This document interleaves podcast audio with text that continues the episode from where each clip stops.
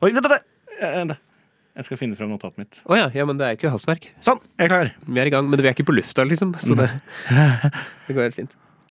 Hei og velkommen til Jazzer om klassiskpodden. Denne sendingen blir spennende og innholdsrik. I dag får vi besøk av Maren Ørstavik. Wow! Wow! Kult! Eh, Det, det, for å forklare hva i alle dager det var, for dere som ikke skjønte det. I starten av forrige ukes episode, så med, med et uhell, så starta jeg med et rim. Jeg husker ikke helt hva jeg sa, men det var noe med spenning og sending. Um, Dette ble en sending med fart og spenning, ja, ikke sant, det var det jeg sa. Uh, og da, nå har jeg bestemt meg for alle sendinger skal begynne med et rim fra meg. Eller alle podkaster, da. Ja, jeg er spent på når du går tom for rim. Men uh... det blir veldig spennende. Da begynner jeg på nytt igjen. Og nå er det sikkert noen som sitter der ute og sier sånn Innholdsrik og Ørstavik, det rimer ikke. Til dere sier jeg nei, OK. jeg, sy syns det rimer bra nok, jeg. Ja, det er sånn funker i hvert fall. Ja. Eh, hva har du opplevd siden eh, sist gang vi møttes? Jeg har opplevd mye rart eh, siden sist jeg har vært på litt konserter og sånn. Noe av det skal vi snakke om etterpå. Men det jeg har lyst til å snakke om nå, er at jeg fikk en melding. Eller vi, da. eh, som i kraft av å være jazzer og klassisk, fikk en melding fra en ny lytter. En som heter Åsmund. Nei, Åsmund heter han, for han uttaler det sånn. Ja. Um, og han sier Yes, jeg er litt sein på tråden, men gratulerer med fint program. Takk, det er hyggelig med skryt. Skal ikke lese opp alt det. Uh, men det han kommer til, da, er veldig spennende. Fordi jeg har jo introdusert det jeg kaller klappeshaming. At man skal ikke shame folk for å klappe mellom satsene. Og da sier han jeg er helt enig med dette med klappeshaming, men jeg er også stor fan av Maler, sånn som jeg er, da. Eh, derfor er det interessant å dele akkurat denne. Eh, og det som han har funnet, er i Maler, eh, i et stykke av Maler som heter Kindertotenlieder. Eh, Kindertotenlieder. Eh, som er en av de sang, sangene han har skrevet. Altså Gustav Maler. Så skriver Gustav selv disse fem satsene er tenkt som én en enhetlig, udelelig helhet, og man må derfor alltid holde fast på kontinuiteten. Også ved å avstå fra forstyrrelser som effeks, applaus på slutten av et nummer. Så Mahler skriver selv i nota han vil ikke ha klapping mellom satsene. Fordi det ødelegger helheten i stykket. Så det du prøver å si, at det var Mahler som fant opp at man ikke skulle klappe mellom satsene? Men eh, på en eller annen måte, altså det er ikke kun han som står for det ene alene, men eh, jeg har faktisk hørt noe om dette her før, fordi på den tiden her så gjorde man jo det. Man klappa kanskje under stykket nå, og hvis man dro i operaen, så klappa de etter hver, hver solo og sånn. Eh, Hver arie? hver arie. Mm. Og Mahler var jo, jobba jo i operaen, og han var veldig på å få publikum til å ikke klappe mellom. Og han er også en av karakterene som gjorde at dirigenten ble så viktig som den er nå. Fordi han vil liksom forhøye seg selv til å være den, det geniet som styrte orkesteret. Ja. Hvis du går langt nok tilbake i tid, så var det litt sånn ja, Du kan dirigere, så er vi i hvert fall samla, men han gjorde liksom dirigentrollen til å bli litt sånn geniet. Ja. Og, um, så det var litt det gøy, da. At uh, helten min er på en måte fienden min også. Uh, mye av det han sto for, er jeg ikke enig i, men jeg liker musikken hans, da. ja. Så takk for den tilbakemeldingen, Åsmund. Det er veldig kult. Ja, jeg er spent på, hvis Du sa jo i rimet ditt at vi får besøk i dag. Ja, det gjør Eh, jeg. vi, bl- vi blir bedre kjent med henne etterpå, Ja. eh, så vi takker så mye om det. Men jeg lurer på hva hun syns om ordet klappeshaming. Ja, om hun syns det jeg, jeg vet ikke om hun syns det er veldig Det er ikke et raffinert navn. Det Nei, jeg syns det er veldig bra, jeg. spennende. Uh, vi, vi gjorde noe spennende i går. Ja, Vi to. vi to og en eh, kompis, Mhm. felles kompis, eh, han kom til oss og sa at nå Eller at han spurte om skal vi ha det som han kalte klassisk aften. Ja, jeg syns man skal kalle det klassisk kveld, for da får du bokstavrime. Ja. KK. Akkurat som kvinner og klær, Ja. for eksempel. Da. Ja, ikke sant? Men vi har en annen betydning. Vi, det er klassisk kveld eller klassisk aften, som jeg syns er mye, no, noe mer sofistikert. Ja. For du er veldig opptatt av at det skal være sofistikert? 100 ja. Det er jo det som er poenget med klassisk musikk. Jeg er helt enig. Nei, eh, men, men det som er da, er at vi Det ble bestemt at vi tar med hvert vårt stykke. Ja. Eh, og så skal vi se på på YouTube hvor man ser orkesteret spille. Mm. Og så skal vi eh, diskutere dette. Ja, og så Det var veldig koselig, for vi har litt sånn trivielle samtaler på en måte mens vi hører de spille. Mm. Og så snakker vi om å, det er kult det stedet her og sånn. Ja, Så det var jævla hyggelig. ja Og så snakka vi mye om musikerne. Veldig mye. Vi så på innspilling med Luzern. Ja. Um, Lucerne eh, Festivalorkesteret.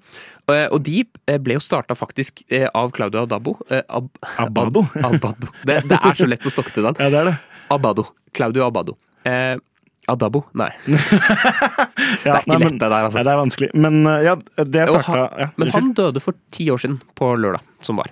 Ja, det var vel et sånn jubileum, ikke jubileum, eh, minne på NRK Klassisk eh, Hovedscenen. Ja, De hadde et program om han. Mm.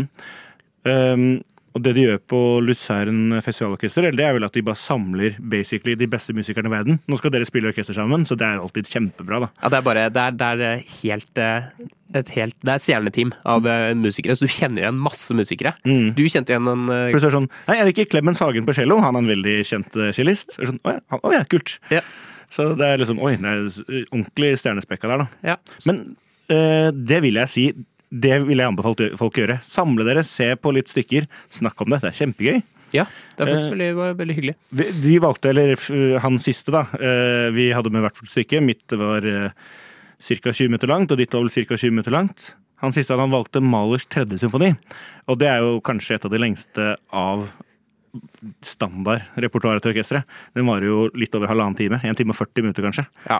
Så det, det ble jo Vi satt der lenge, men det var jo kjempehyggelig. Men hvis jeg først skal høre på hele, så var det hyggelig å høre det sammen med noen. Ja, det er veldig sant. For Da kunne man sitte og prate litt underveis og, og, og sånn også. Mm. For uansett hvor glad jeg er i Maler, og det er jo veldig mye, men det å sitte i konsertsalen i halvannen time er jo lenge.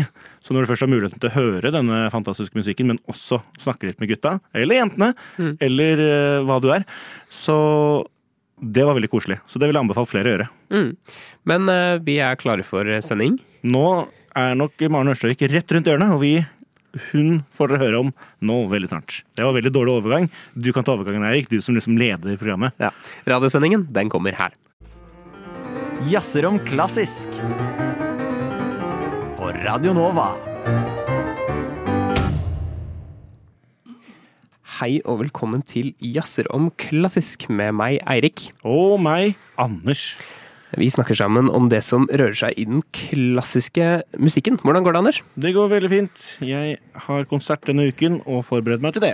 Så bra. Mm. Eh, Hva, skal, hva slags konsert da? Konsert med et stykke av meg eh, for eh, piano og cello og narratør, som det heter på engelsk. Altså, jeg skal snakke litt tekst over musikken, rett og slett. Det er på lørdag. Levinsalen på Norges musikkhøgskole. Kom. Ikke sant? Så spennende. Eh, som forrige uke, så har vi gjest denne uka. Eh, og i dag så har vi med oss eh, journalist, anmelder og barnebokforfatter Maren Ørstavik. Velkommen. Tusen takk. Eh, da vi spurte deg om å være med, så sa du ja, jeg vil være med hele timen. Du syns det er morsomt å prate om klassisk musikk?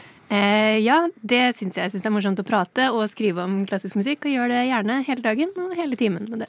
Ikke sant? Så det er veldig gøy eh, at du ville være med. Eh, jeg kunne sikkert introdusert deg som musiker også. Ah, jeg, er glad for, jeg er glad for å slippe det, egentlig. Ja, For du er musiker i bunn. Ja, jeg er eh, utdannet pianist fra eh, Musikkhøgskolen. Um, men jeg begynte å jobbe som journalist rett etter at jeg var ferdig på skolen, egentlig. Så, så jeg har aldri egentlig vært profesjonell pianist. Nei. Jeg er litt glad for det. Jeg tenker publikum kanskje også er glad for det. Ja, men, eh, men eh, kan ikke du fortelle litt om hva du har liksom gjort etter at du, var, etter at du, du har gått på NMH, sa du? Jeg har gått på NMH. Eh, Jeg gikk, jeg gikk bare bachelor på NMH. Ehm, Det var fantastisk. Spilte piano. Og så var jeg et år i Tyskland, og så kom jeg hjem. Og så tok jeg en master i musikkvitenskap oppå Blindern. Og så jobbet jeg i studentavisen Universitas. Oi. Eh, En, eh, en fantastisk utdanningsinstitusjon for, eh, for, eh, for skrivende folk. Det er litt sånn uh, nemsisen til Radio Nova-aktig, det. Det er en Ja. sånn fotballkamp hvert år. Ja, så jeg føler at jeg er litt sånn på fiendens territorium nå. Ja, det er gøy. Mm. Ikke sant? Men så det var derfor du ble eller anmelder? Ja, så jeg var kulturjournalist i Universitas og syntes det var veldig moro. Jeg begynte i Universitas fordi eh, jeg trengte en sånn et et avbrekk fra øvingen. Jeg trengte noe hvor man liksom lagde noe litt fort og var ferdig med det. For jeg opplevde at øvingen var et sånt evighetsprosjekt. Og du liksom øvde og øvde på de samme stykkene i månedsvis. Og selv Jeg husker jeg hadde en konsert med et stykke jeg hadde spilt på lenge, og så var jeg ferdig, og så tenkte jeg sånn åh, endelig er jeg ferdig med det der. Og så fikk jeg melding fra læreren min etterpå sånn ja, fin konsert. Kan ikke du komme til kontoret mitt på fredag, skal vi snakke litt om den ansatsen? Ja. Og så var jeg helt sånn åh, jeg, jeg må liksom Jeg må gjøre noen ting. Jeg kan bare krysse av på lista. Eh, og journalistikk er jo sånn, det går fort. Du må skrive en ting, og så kommer det i avisa, og så er du ferdig. Og så kan du egentlig ikke tenke så mye mer på det. Nei. Men det er litt sånn som på radio òg. Ikke sant? Jeg kjenner meg Selv Altså sånn, eh, og kom, jeg er jo komponist, da, for de som ikke vet det. Eh, Og du bruker jo mange måneder på å skrive et verk, og når det først blir fremført, så er du ganske ferdig med det, for da har du egentlig begynt på noe nytt. Så også den bare få gjort noe. Nå er sendingen ferdig, podkasten er ute. Deilig liksom å krysse av, da, som du sier. Mm, det er det. Men du eh, skriver jo for Aftenposten, Mhm. og det har du gjort eh, ganske lenge. Mm. Så jeg begynte i Aftenposten oh, i 2012, kanskje. Eh, og har vært eh, forskjellige ting der. Jeg har vært eh, kulturreporter og nyhetsjournalist og økonomijournalist en stund. Men begynte å være mest anmelder rundt sånn 2014. Så de siste årene så har jeg gjort det ganske mye. Men du har ingen journalistutdanning? Har ikke det? Eller jo, jeg har jo jobbet på universitet. Det er jo Norges beste journalistutdanning. Ja, ja, det, det kan jeg skjønne. Men, eh, men så du er litt sånn, også litt selvlært, eller, er det, eller er du, har du lærte mye der? Altså, Som anmelder så vil jeg si at eh, den viktigste utdanningen jeg har, er jo som musiker. Eh, Ja. Det er det jeg kan som musiker som gjør at jeg eh, kan eh, mene og høre og gi uttrykk for de tingene jeg gjør som, som kritiker, i større grad enn eh, den journalistiske liksom, reportererfaringen. Mm.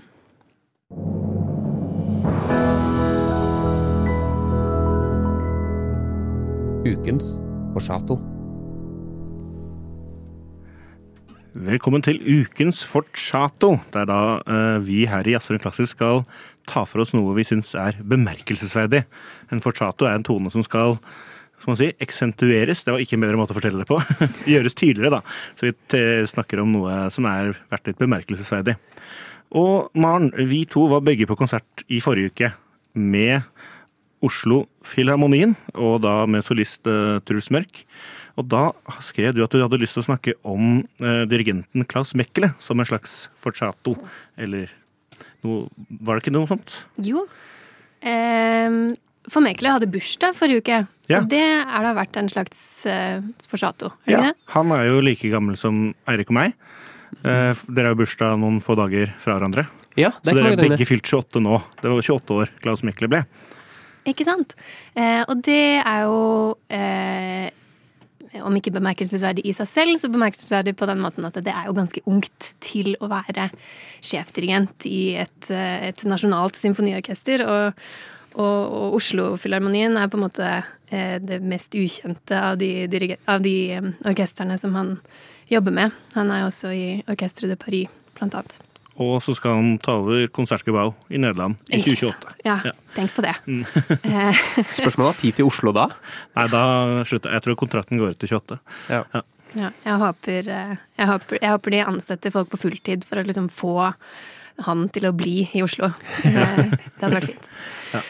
Men eh, nei, det er gøy, og det er interessant. Og det er selvfølgelig eh, old news at han er så ung. Det snakket man om eh, da han tiltrådte. Eh, men jeg syns likevel det er litt interessant å snakke om fordi eh, som Kanskje særlig som dirigent så forventer man at man skal være sånn eh, veldig gammel og grå og ha masse livserfaring før man kan gå løs på liksom, de virkelig store stykkene og de virkelig store dirigentene. Nei, virkelig store komponistene.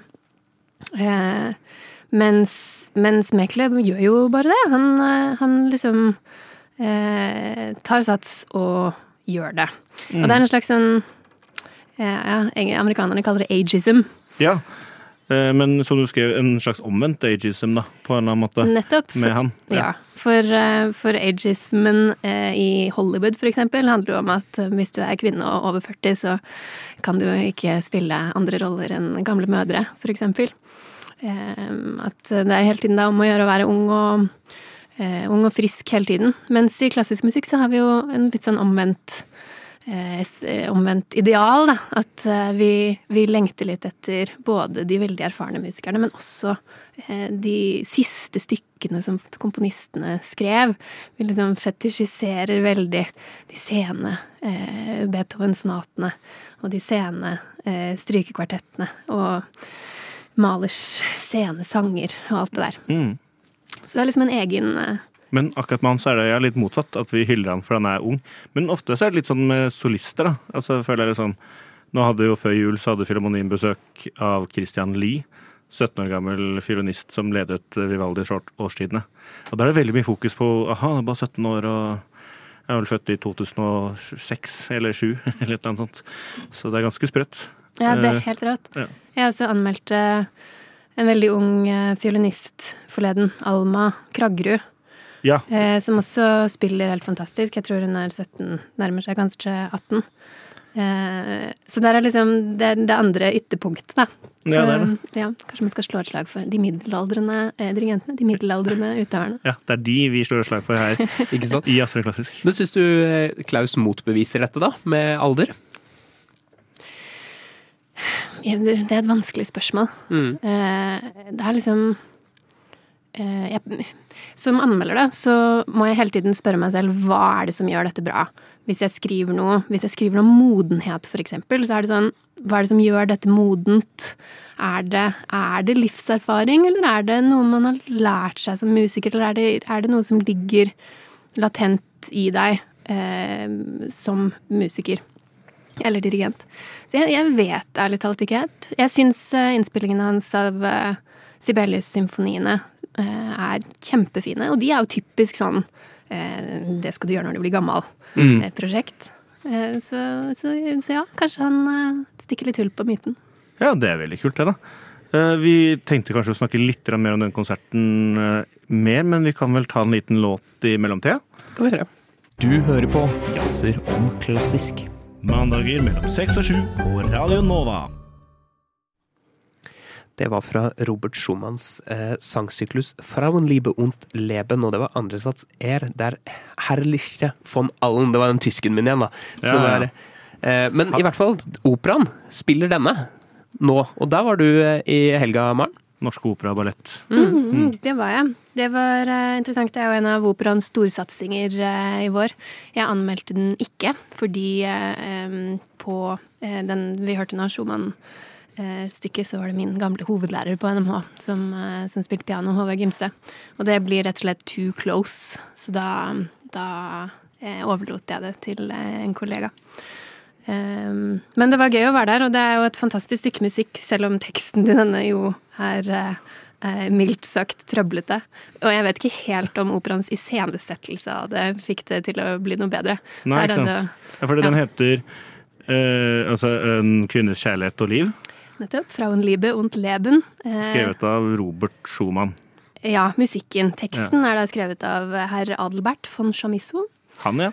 Eh, som har satt seg inn i kvinneliv og kjærlighet. Og det er altså en kvinne forelsker seg i en mann, eh, de gifter seg, hun får barn, eh, de krangler, hun dør. Slik er et kvinneliv. Ja. Det, så ja, du, Vi snakket så vidt om det mellom, altså mens det blir spilt her, at det er nesten problematisk å spille den sånn eh, tema, tematisk, på en måte. Ja, den krever litt kontekst i dag. Det gjør den. Men eh, vi snakker litt mer om denne konserten vi begge var på på torsdag. Fordi du anmeldte denne, som du jo ofte gjør, eh, i kraft av at du er anmelder. Så, eh, og der du var litt streng. Eller ikke streng, men du var hard. Eller, eller kritisk. Kommer an på du, eh, hvordan du ser på det. Men blant annet så skriver du at Klaus Mekele, som vi snakket om i stad, dirigenten, får ikke alle til å ro helt i samme retning. Eh, Det var én ting du sa. Så da, da tenkte jeg på um, hvordan er det da som anmelder å ha sett noe som du er kritisk til, og faktisk skrive dette på papir? holdt jeg på å si. Hvordan er det å være sånn ja, kritisk? Det, nå syns jeg at eh, det er krevende på den måten at eh, jeg må hele tiden spørre meg selv hvorfor, og så syns jeg at jeg må begrunne det på en måte som, som de aller fleste forstår, da. At, jeg, at, jeg, ja, at det er en tydelig begrunnelse. Da jeg begynte som anmelder, så var jeg veldig nervøs for det. Jeg husker min aller første anmeldelse for Aftenposten. Så anmeldte jeg Ansnes oh, ja. med Det Norske Kammerorkester som spilte Beethoven, Keiserkonserten. Intet mindre. Intet mindre, ikke sant? Jeg var bare dødsnervøs. Eh, eh, sikkert mye mer nervøs enn en Ansnes. eh, men da så var jeg ganske streng, for jeg opplevde at de bare dro i helt forskjellige retninger. Eh, og, og når jeg opplever at jeg er kritisk til noe, så syns jeg at jeg har liksom et ansvar for å si det høyt. Jeg er betalt for å si hva jeg mener. Det er selvfølgelig eh, subjektivt til en viss grad, um, men jeg må begrunne det sånn at folk henger med på mitt resonnement, da. Ja, Men ofte kan det kanskje hende at det er noen du har studert med, eller om du kjenner, om du kjenner personlig. Blir det da vanskeligere å være kritisk, eller? Ja, og som jeg sa, noen ganger så blir det jo for nærme. Sånn Ja. som Håvard Gimstad, som spiller i denne forestillingen. Eh, da syns jeg ikke at, eh, at jeg kan anmelde det på en, eh, på en nøytral måte. Fordi jeg ville ikke Jeg hadde ikke kunnet være mm, kritisk til Håvard på trykk. Det, det hadde jeg ikke hatt lyst til. Da hadde jeg latt det være. Og da blir det jo ikke en ærlig anmeldelse, og da kan den ikke skrives. Nei, ikke. Ikke at jeg ville vært kritisk, for jeg syns det var topp, men ja. ja. Men eh, for det tenkte jeg på, fordi det er en annen som jeg ikke skal nevne navn på, men eh, som jobbet som anmelder eh, for en god stund siden. Eh, og denne personen fortalte at når vedkommende anmeldte Oslofilharmonien og var kritisk, så var det telefoner og meldinger sånn 'Hvordan våger du?' Selveste Filharmonien kan du ikke gi en dårlig eh, anmeldelse til. Og det er vel, eh, i hvert fall på den tiden, så var det noen som mente at i fullt alvor mente at det beste for norsk kulturliv er å alltid gi Filharmonien ti av ti. Fordi det er Norges beste orkester. Det skjønner jeg at du ikke er enig i, men det blir vel nesten fordummende igjen da, overfor publikum. Da tar du ikke publikum seriøst. Nei, da tar du jo verken publikum eller orkesteret seriøst, Nei. tenker jeg. Eh, og det er nok liksom Det er nye tider der, da. Eh, både Ja. med tanke på hvem man kjenner. Eh, jeg tror for noen tiår siden så var det mye mer vanlig å, eh, at anmeldere hadde mye tettere bånd til utøvere enn en vi har i dag. Mm. Jeg husker jeg satt og så på, dette er en litt rar parallell, men jeg husker jeg satt og så på fotball-EM for kvinner i 2022. Og der hadde virka det som NRK hadde bestemt seg for at vi skal snakke opp kvinnefotballen. eh, Og vi skal liksom, fordi at vi skal være så positive, og så skal vi uansett hva det var Hvis det var et, et skudd som gikk eh, eh, over stadiontaket, så var det sånn Ja, det var et bra forsøk. Og det er jo aldri sånn man hører anmeldere, nei, anmeldere, eh, fotballkommentatorer, eh, si sånn Det var et bra forsøk, de er jo kjempeharde. Nei, det var elendig. Eh, og så ble det sånn, når man satt og så på et helt eh, EM, og de aldri sa noe negativt, så ble det veldig slitsomt. Man følte at det på en måte fordummer det, at ikke At, at eh, Ja, rett og slett at man ikke tar det på alvor, da. Man prøver å liksom løfte det og skape positivitet, men eh, det blir nesten litt slitsomt. Er, er det noe tilsvarende du tenker? At du ikke vil løfte den klassiske musikken og bare være snill og positiv hele tiden? Uh, ja, jeg, jeg skjønner veldig godt hva du mener der, og jeg tenker Det hender jeg får uh, henvendelser fra folk som ikke skjønner at jeg ikke liksom ja, er mer sånn Er mer et støtteapparat, da, fordi, fordi klassisk musikk er jo presset fra mange kanter, på en måte, og, og, og trenger at, eh, at vi som er glad i den, eh, viser den frem, da. Men jeg mener oppriktig at den beste måten jeg kan gjøre det på, er å være eh, kritisk. Men ikke kritisk som i liksom streng og kjip, men kritisk som i å lytte skikkelig. Høre er dette bra? Hvorfor er det bra? Sammenligne det med andre ting vi opplever. Eh, når jeg er ute og reiser, så er jeg veldig opptatt av å høre andre orkestre der ute, nettopp for å sette vårt musikkliv i en internasjonal sammenheng. Ja, Oslo Filharmonien er Norges beste orkester, men de er ikke verdens beste orkester. Hva skal til for at de hever seg enda mer? Ja. Og da, eh, apropos, eh, en ting er liksom som vi sa at du kjenner eh, Gimse når, og ikke vil anmelde han. Men vi har fått et spørsmål fra en lytter som jeg tenkte passer fint nå. En som heter Karina her, som spør blir du noen gang fristet til å gi best anmeldelser til verk du liker, og omvendt. Og litt sånn, hvordan er det, altså Hvis du liker skikkelig fra før, da, hvordan er det å anmelde det da? Mm, det er et godt spørsmål. Der må man liksom eh, kjenne litt på det. Fordi det er jo ting jeg liker bedre enn andre. Ehm, og det er på en måte irrelevant for leserne hva jeg personlig liker og ikke liker. Ehm, men, men det er nesten umulig å komme fra, fordi som pianist da, for eksempel, så er det jo veldig mye av klaverrepertoaret jeg kjenner godt. Mye, mye bedre enn jeg kjenner eh, klarinettrepertoaret eller, eh, eller cellorepertoaret. Eh, og det gjør helt sikkert at jeg kan høre kvaliteter der eh, lettere enn i annen musikk. Um, så om jeg blir fristet til det, vet jeg ikke. Om, om, om, om jeg kanskje kan gjøre det innimellom, det kan nok skje. Det, ja, uten at det bør skje. Ja.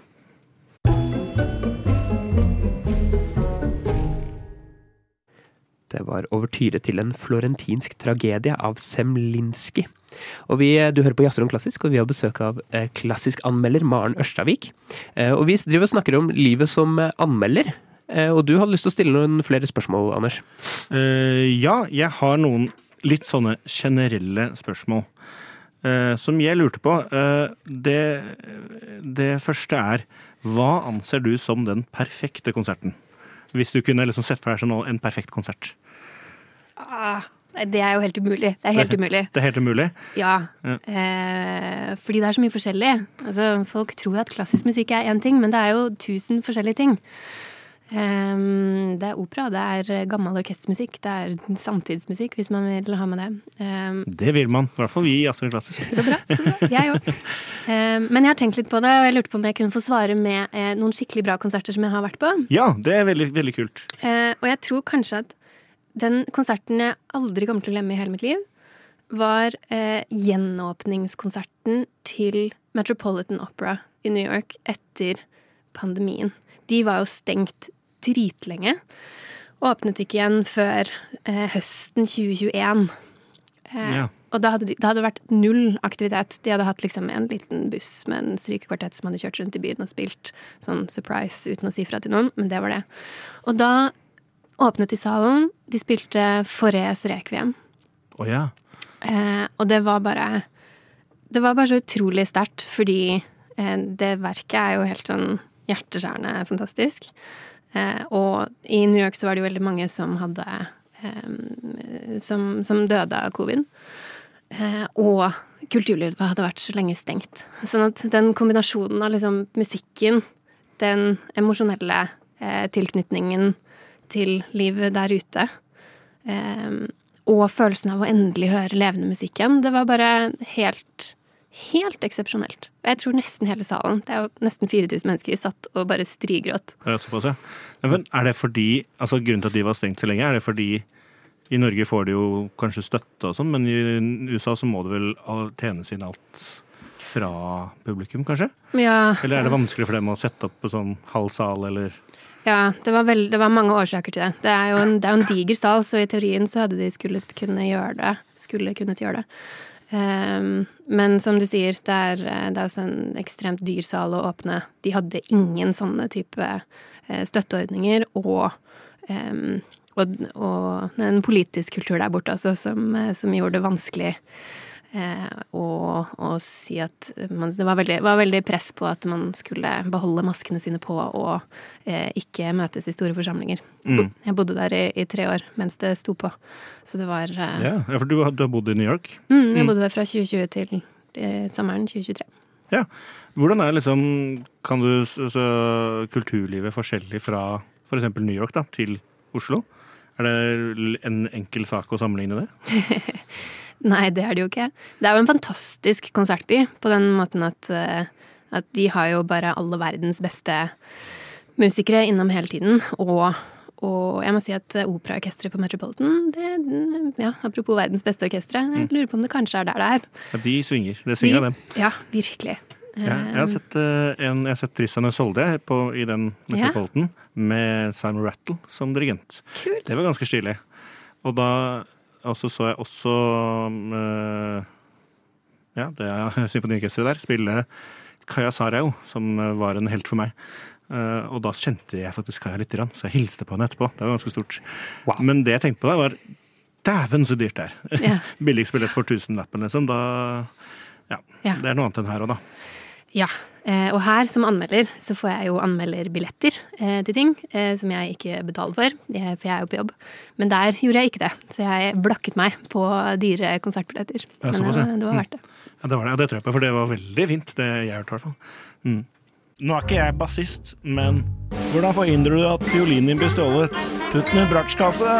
Driver de med jazz, eller driver de med klassisk? Jeg skjønner ikke! Han er jo bare kødd med de klassisk-gutta. Du hører på Jazzer om klassisk.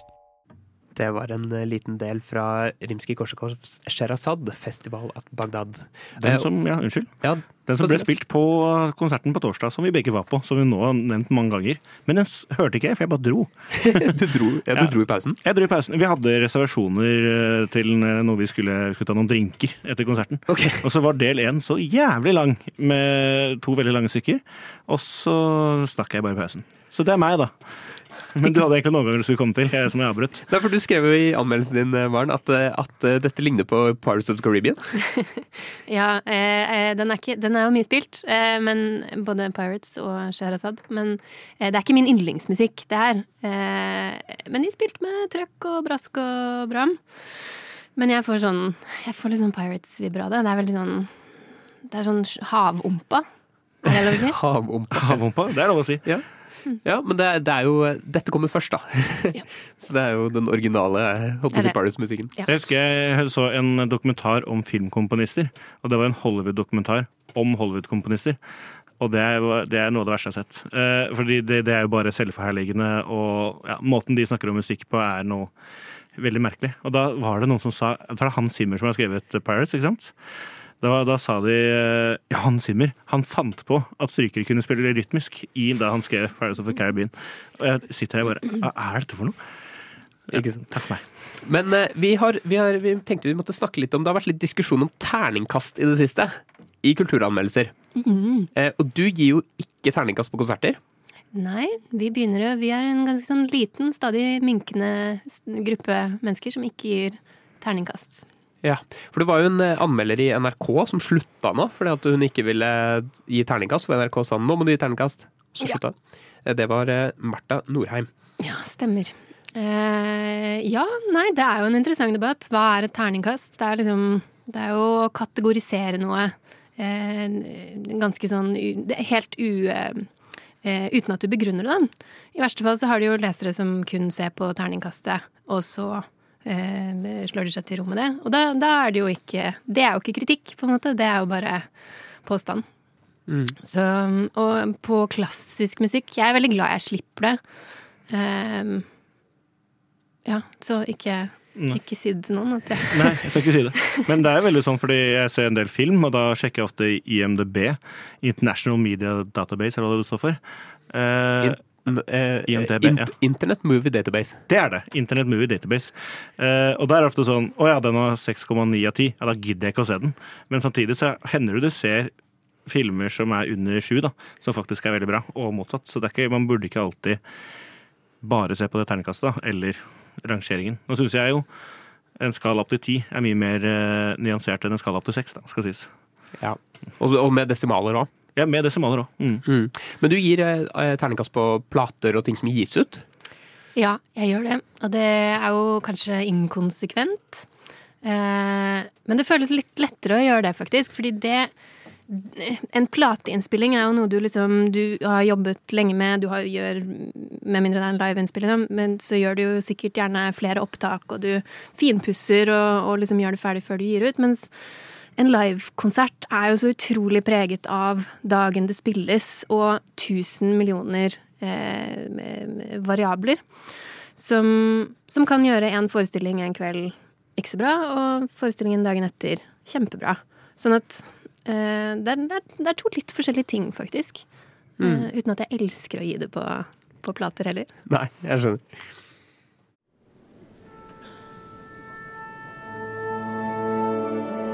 Jeg heter Eirik, Jeg heter Anders. og vi jazzer om klassisk. Hver mandag mellom seks og sju.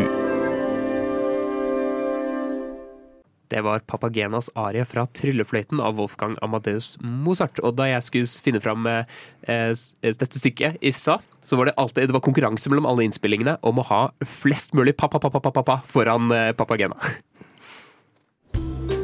Dette ble vel ikke helt riktig.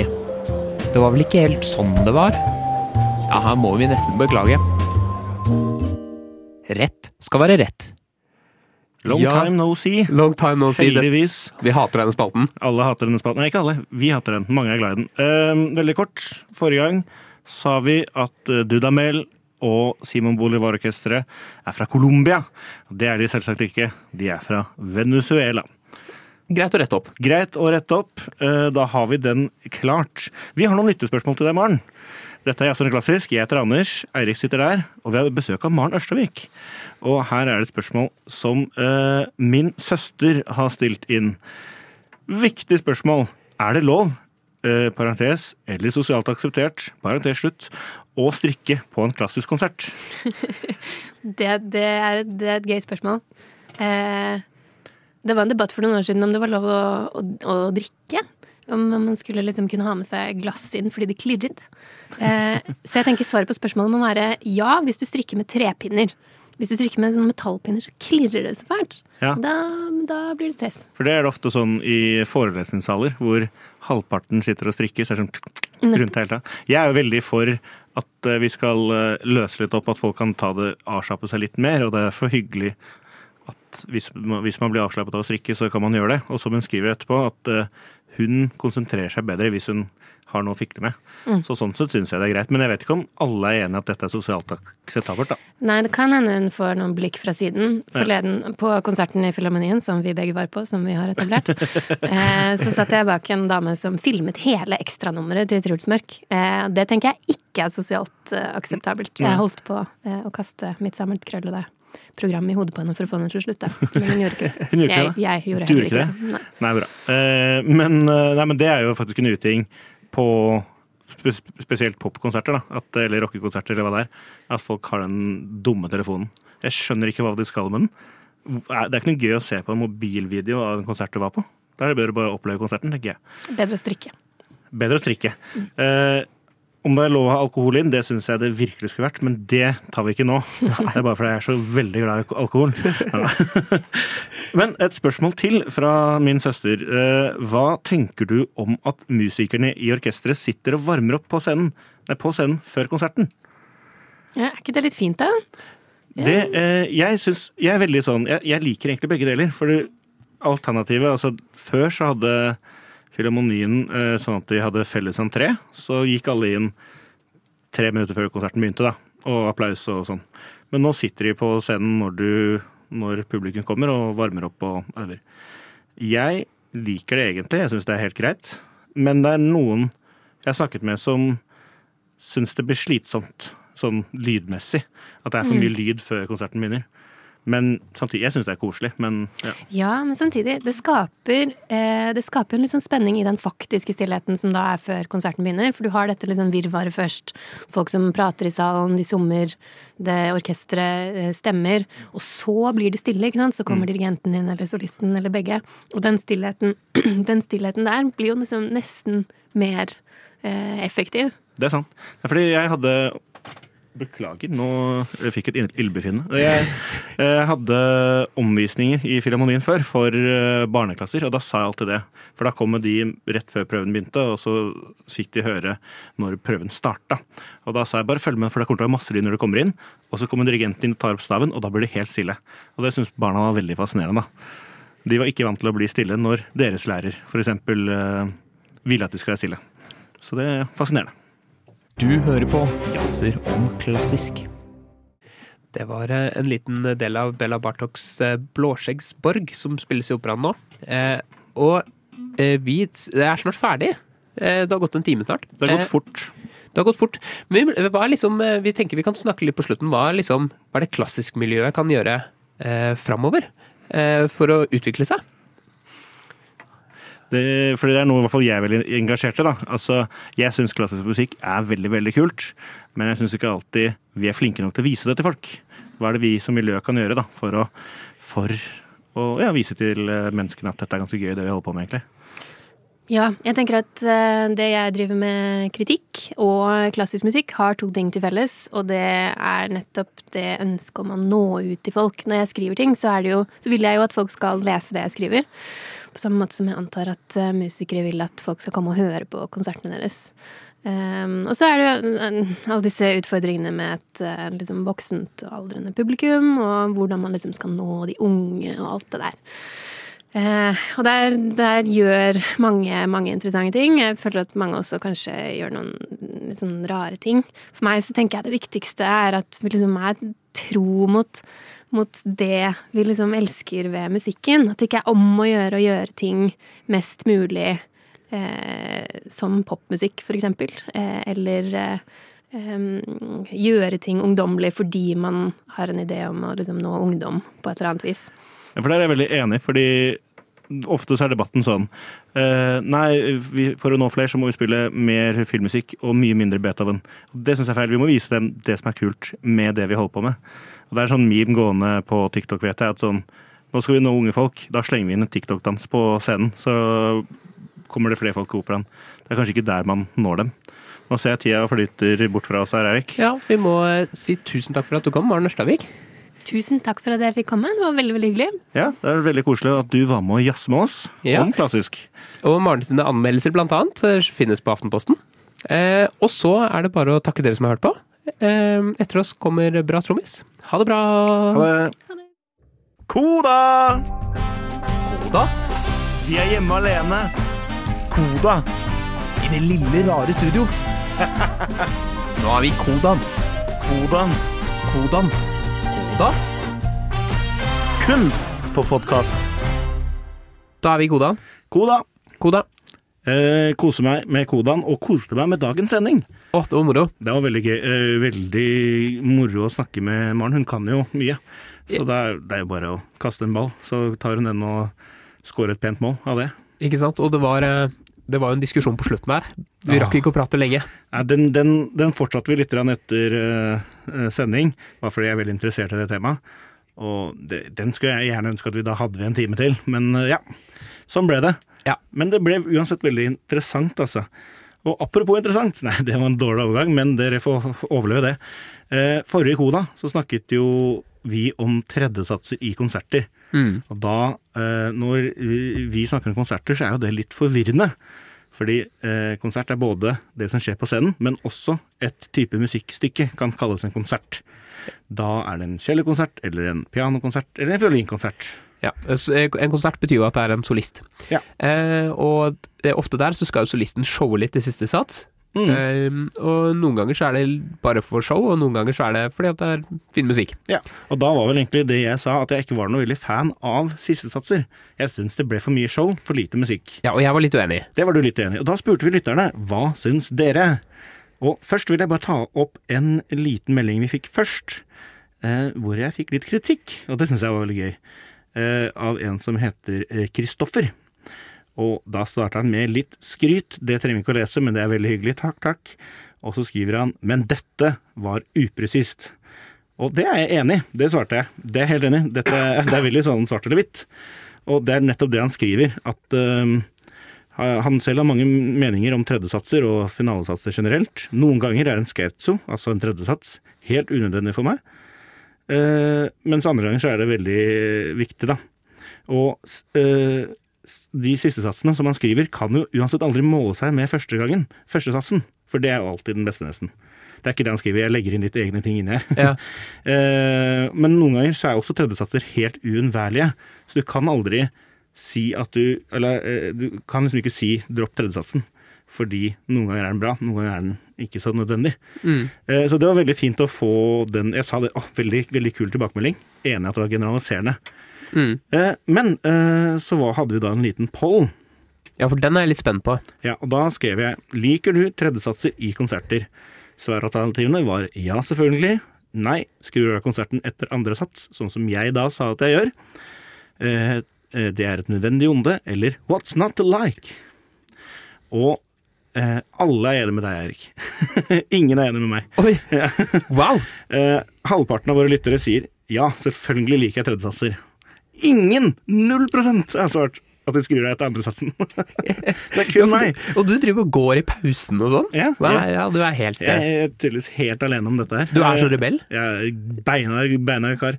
Og så er det noen som mener eh, så- Og så er det 20 altså veldig få, som sier, er enige om at det er et nødvendig onde. Mens eh, 30 da sier 'what's not to like'. Så du kan da si at 80 eh, både liker de siste satser og stiller seg litt uforståelig til at du i hele tatt spør. Ja.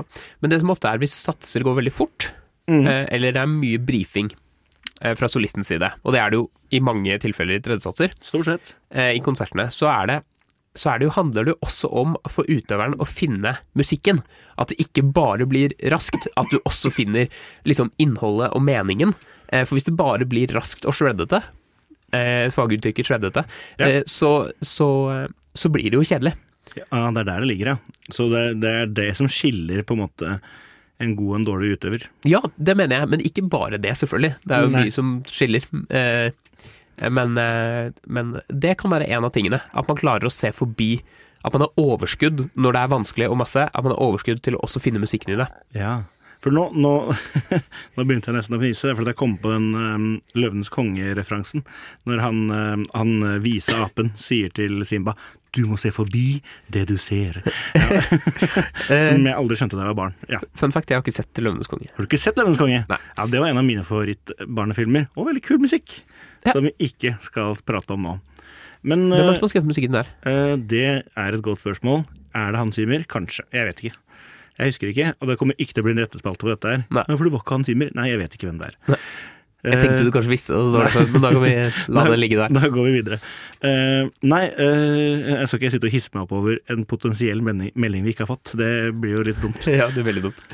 Ikke send den meldingen. Ikke send! uh, nei, men da, men da har vi det egentlig konkludert, at eh, tredjesatser, det er folket glad i.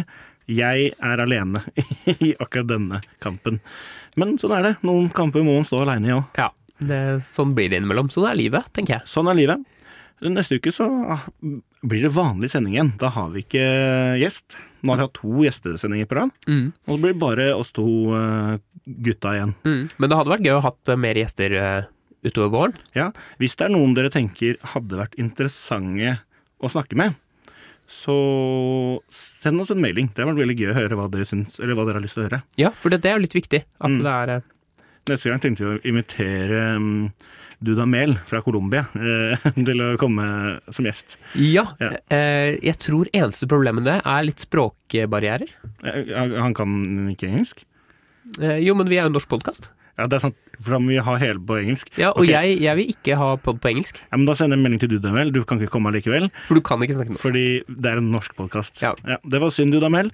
uh, ja, som sagt, eh, jeg, jeg bruker denne plattformen til å plugge meg selv litt. Jeg har konsert på lørdag 27.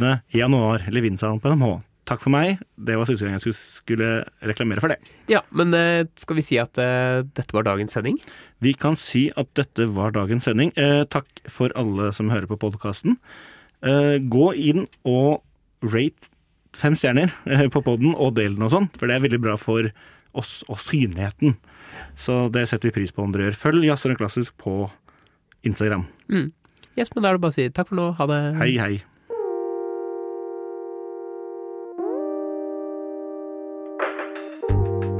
Du har hørt på en Radio Nova-podkast. Finn flere podkaster på radionova.no eller på din foretrukne podkasttjeneste.